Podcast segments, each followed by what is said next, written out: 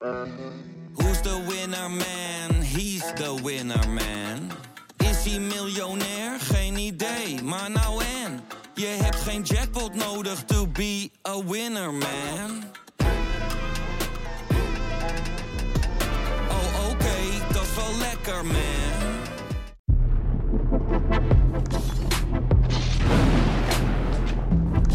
Ja, goedemorgen Bjorn en welkom bij VI ZSM van vrijdag 30 december van het jaar 2022. Ja, we gaan het natuurlijk hebben over het overlijden van de Braziliaanse voetballegende Pelé. Hij is op 82-jarige leeftijd overleden. Wat eh, was jouw eerste reactie gisteravond uh, op zijn overlijden? Ja, het is uh, een einde van een tijdperk. Hij heeft het net mogen meemaken dat Messi zeg maar de allerbeste werd. Ehm, door het WK te winnen. Ehm, ja, en treurig natuurlijk. Eh, de, de, berichten waren allemaal dat ze hoopvol gestemd waren van zijn familie. Dat zijpelde allemaal door via de social media. Maar ja, zelfs Pelé kan dit niet winnen, zoals Cruijff het ook niet kon winnen. Het gevecht met, uh, met kanker, helaas. Ja, uiteindelijk 82 jaar geworden. Is natuurlijk al de laatste jaren dat hij kwakkelde met zijn gezondheid. Um, ja, wat voor een, een, een, diepe indruk heeft hij gemaakt in zijn hele leven eigenlijk, zijn hele carrière. Het, is natuurlijk een voetballegende. Um, hoe zou jij dat willen omschrijven? Dat klopt. Uh, ja, je ziet ook aan de reacties hè, van, de, van de mensen, van vooral van de oudere uh, legendes die nog leven. Hoe groot ze waren, ze waren allemaal hun voorbeeld. Michel Platini was zelfs nog helemaal ontroerd dat hij, uh, dat hij overleed. Frans Beckenbauer was trots dat, hij, dat Pelé hem mijn broer noemde. Uh, ja, ze keken allemaal naar hem op. Hij, eigenlijk was hij zeg maar het beginpunt van het moderne voetbal. Uh, het beginpunt van de nummer 10 ook. Dus schreef onze collega Peter Wekking zo mooi.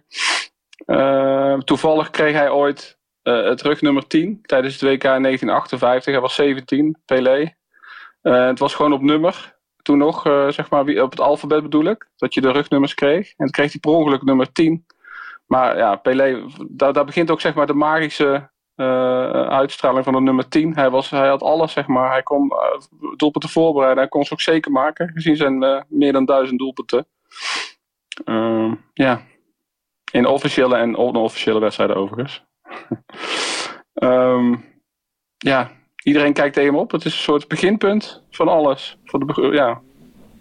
Ja, je, noemt al de, de meer dan duizend doelpunten. Dan hebben we eigenlijk gelijk het, het meest gelezen artikel op VI Pro te pakken. Dat uh, komt ook van jou. Dat gaat over die, die duizendste goal hè, eigenlijk. Kun, kun je een beetje omschrijven uh, hoe dat is gegaan? Een korte samenvatting. Ja, dat is wel mooi, want het was in een vol Maracanã. Zeg maar het grootste stadion uh, van Brazilië. Het meest illustre stadion. heel oud. En destijds konden er honderdduizenden in. Uh, nu is het helemaal verbouwd en eigenlijk een beetje heeft het van zijn glans verloren. Maar toen was het echt maar tot de nok toe gevuld met supporters van Vasco da Gama, want die speelden thuis. Maar in, in, plaats van dat zij zeg maar hun ploeg voortjoegen, waren ze, zaten ze eigenlijk alleen maar voor Pelé, want die stond op 999. En ze wilden allemaal zien hoe Pelé zijn duizendste maakte. Pelé was toen niet eens 30 jaar. Um, ja, en de scheidsrechter, het is allemaal zeg maar, in Zuid-Amerika houden ze heel erg van overdrijving. Ik ben een aantal keer geweest. En is, dat is natuurlijk heerlijk om mee te, mee te doen. Je ziet natuurlijk ook weer de, de Argentijnen, hoe die de, weer, de halen van de wereldtitel beleven. Ze zijn niet bang om, uh, van overdrijving, zeg maar. Nee. En destijds ook niet. En ze vertelden van ja, terechte penalty. En dat hebben ze allemaal hele veel mooie woorden beschreven. Maar het was eigenlijk gewoon een hele goedkope penalty. Eigenlijk was het ja, niet eens een penalty waarschijnlijk. Maar ja, je kunt het niet meer bewijzen, omdat er nou, nauwelijks beelden van zijn. Uh, maar iedereen was dankbaar, zeg maar, het hele stadion, dat eindelijk die penalty kwam. En uh, een Braziliaanse schrijver zei het heel mooi van... Uh, die, was, die was heel erg dankbaar dat die penalty kwam, want zo keek niemand per ongeluk weg. Er kon iedereen, zeg maar, in volle aandacht die, die, die duizendste zien. Ja. En uh, alleen de, de spelers van Vasco da Gama waren echt woedend. Want ja, die dachten van hey, heel het stadion was tegen ons. En nu de scheidsrechter ook. die waren echt woedend. En zoals zeg maar de Uruguayanen hebben dat volgens mij afgelopen WK probeerden ze ook zeg maar de strafstop te vernielen. Toen deden zij dat ook.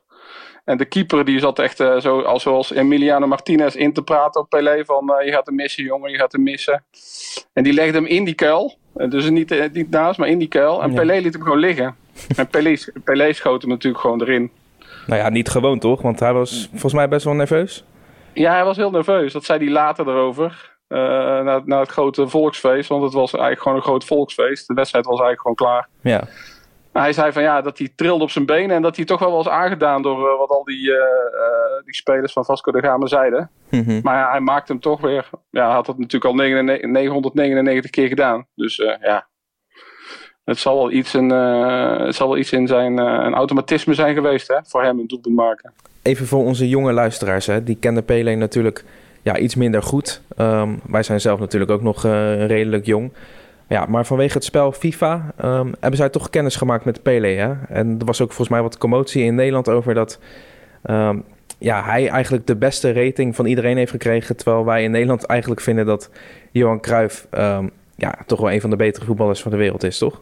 Nou, dat klopt. Er was toen zelfs een. Uh, uh, dat ze verzamelden om, om, uh, om Cruijff hoger de, een hogere notering te laten hebben. Ja. Want hij zat op 94, had hij 2020, FIFA 20, had hij 94 gehad. Met, en daarmee staat hij zeg maar op gelijke hoogte met Ronaldinho. Met Yashin en Maldini en Ronaldo. En Garincha zie ik trouwens en Zidane. Maar dat vonden de Nederlanders veel te laag. Want ja, wij zien de Nederlanders zien Cruijff als, ja, als de allerbeste of bijna de allerbeste, toch? Uh, op gelijke hoogte met minstens Maradona en Pelé. Zeker, ja. ja. Maar internationaal vonden ze dat niet. Dus ze hebben, heel, ze hebben vriendelijk uh, die handtekeningen gezien. Ze dachten van ja, uh, dag. En Pelé staat er echt zo absoluut op één. Die heeft 98 gekregen toen. Meer nog dan Maradona. Maradona zal er ook chagrijnig over zijn geweest natuurlijk. Ja. Maar ja, iedereen wil daarom graag met Pelé spelen. Want ja, ik heb het uh, nooit mogen meemaken. Ik speel ook wel eens FIFA. Uh, ik heb nooit Pelé mogen, mo mee mogen spelen. Dat is het allerhoogste, zeg maar. Ja. Die kan alles. Ja. Die schiet, die, die, die pingelt, die kan alles.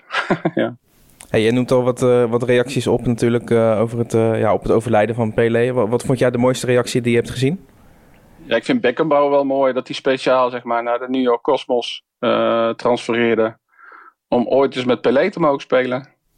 Ja. En dat hij al zeg maar diep, diep uh, gelukkig, of dol, dol gelukkig was dat hij hem steeds mijn broer noemde.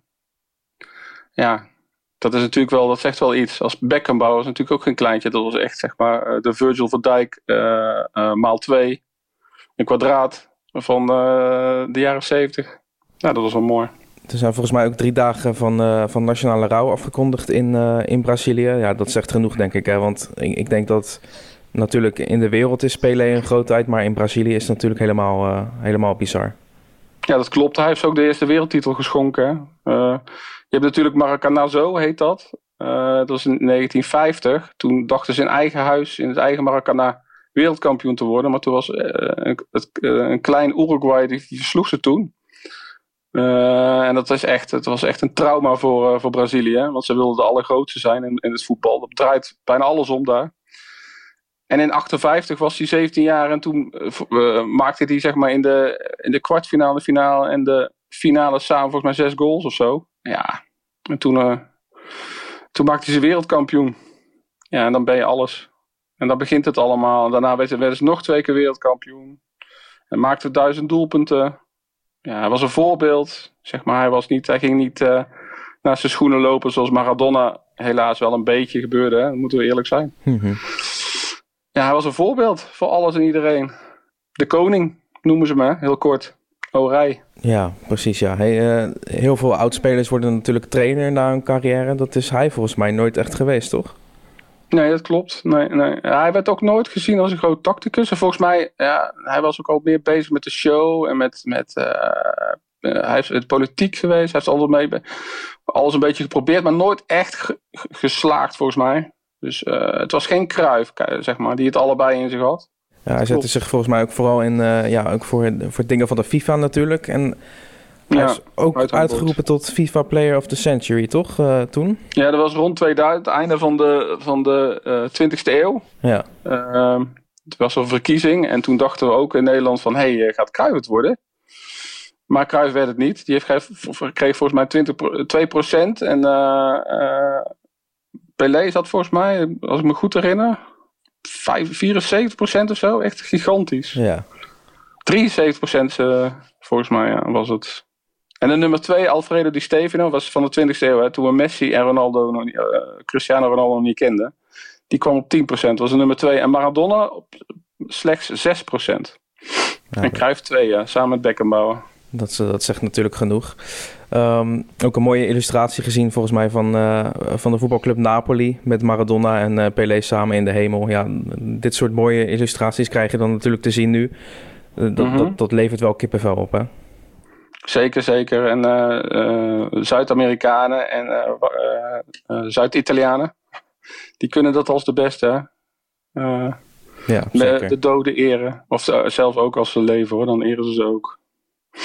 Hey, uh, dan, dan maken we even een bruggetje naar, uh, naar het meest gelezen op uh, vi.nl. Want iemand die ook een grootheid kan gaan worden is misschien wel Kylian Mbappé natuurlijk. Ja, dan moeten we het eigenlijk ineens weer over dagelijkse dingen gaan hebben. maar het leven gaat gewoon door natuurlijk. Zeker. Um, hij heeft complimenten gekregen voor de manier waarop hij heeft gereageerd op ja, de pesterijen die plaatsvonden na het behalen van de wereldtitel van Argentinië door Emiliano Martinez. Um, ja, het wordt gekenmerkt als een, een hele volwassen reactie van Mbappé, hè? Ja, hij trekt zich in feite niks van aan. Uh, hij staat erboven. Als voetballer sowieso uh, heel, veel, heel ver natuurlijk boven Emiliano Martinez. Die heeft natuurlijk wel een hoofdrol vervuld uh, tijdens het WK. Maar Mbappé is natuurlijk een van de beste spelers van de laatste decennia. En die houdt zich ook zo. Zeg maar, hij, je kunt winnen en verliezen. En nu heeft hij verloren. En hij zegt van, uh, ja, hij gaat gewoon door. Hij, gaat hij probeert verder doelen na te streven. Staat ook op een WK-titel, hè? Uh, en hij lijkt een beetje op uh, Pelé qua snelheid en qua ja, doelpunten maken. Uh, hij gaat als in, in, een trein, in een sneltreinvaart gaat hij naar, naar verzamelt hij goals en assists. Ja. Die gaat gewoon door. Misschien ook weer naar de, over vier jaar is er weer een kans, denkt hij. En dan gaat hij er weer voor. En dit jaar gaat hij natuurlijk weer voor met Paris Saint-Germain. Het hoogste doel is eindelijk een keer die Champions League titel te pakken. Samen met Messi. Die verwelkomt hij ook. Dus uh, hij neemt hem niet kwalijk. Messi heeft trouwens ook nooit natuurlijk meegedaan aan nee, die uh, strijdjes. Zeker niet. Nee. Maar Martinez wel. zeker ja. Hey, uh, wie weet zien we Mbappé, of er wordt er over Mbappé over 60, 70, 80 jaar net zo gepraat als nu over Pelé. Ja, in FIFA 84. Of, precies, dat hij een icon is. Ja, precies. Ja. Laten we het hopen voor Mbappé, Mbappé en onszelf ook. Hè? Want het is natuurlijk prachtig om zo'n om een wereldster te zien uh, groeien en groeien. Het zou alleen maar mooi zijn. Zeker weten, Bjorn. Dan mag ik jou uh, bedanken voor deze VI-ZSM. Het was volgens mij de laatste van het jaar. Oké, okay, ja, bedankt dan ook hè, voor al die uh, ZSM's. Ja, precies. Ja. En dan ja, gaan we elkaar uiteraard ja, in het volgend jaar weer spreken. Is goed. Fijn nieuwjaar alvast, jongen. Ja, fijn uiteinde. Dankjewel. Iedereen. Oké, okay, hoi.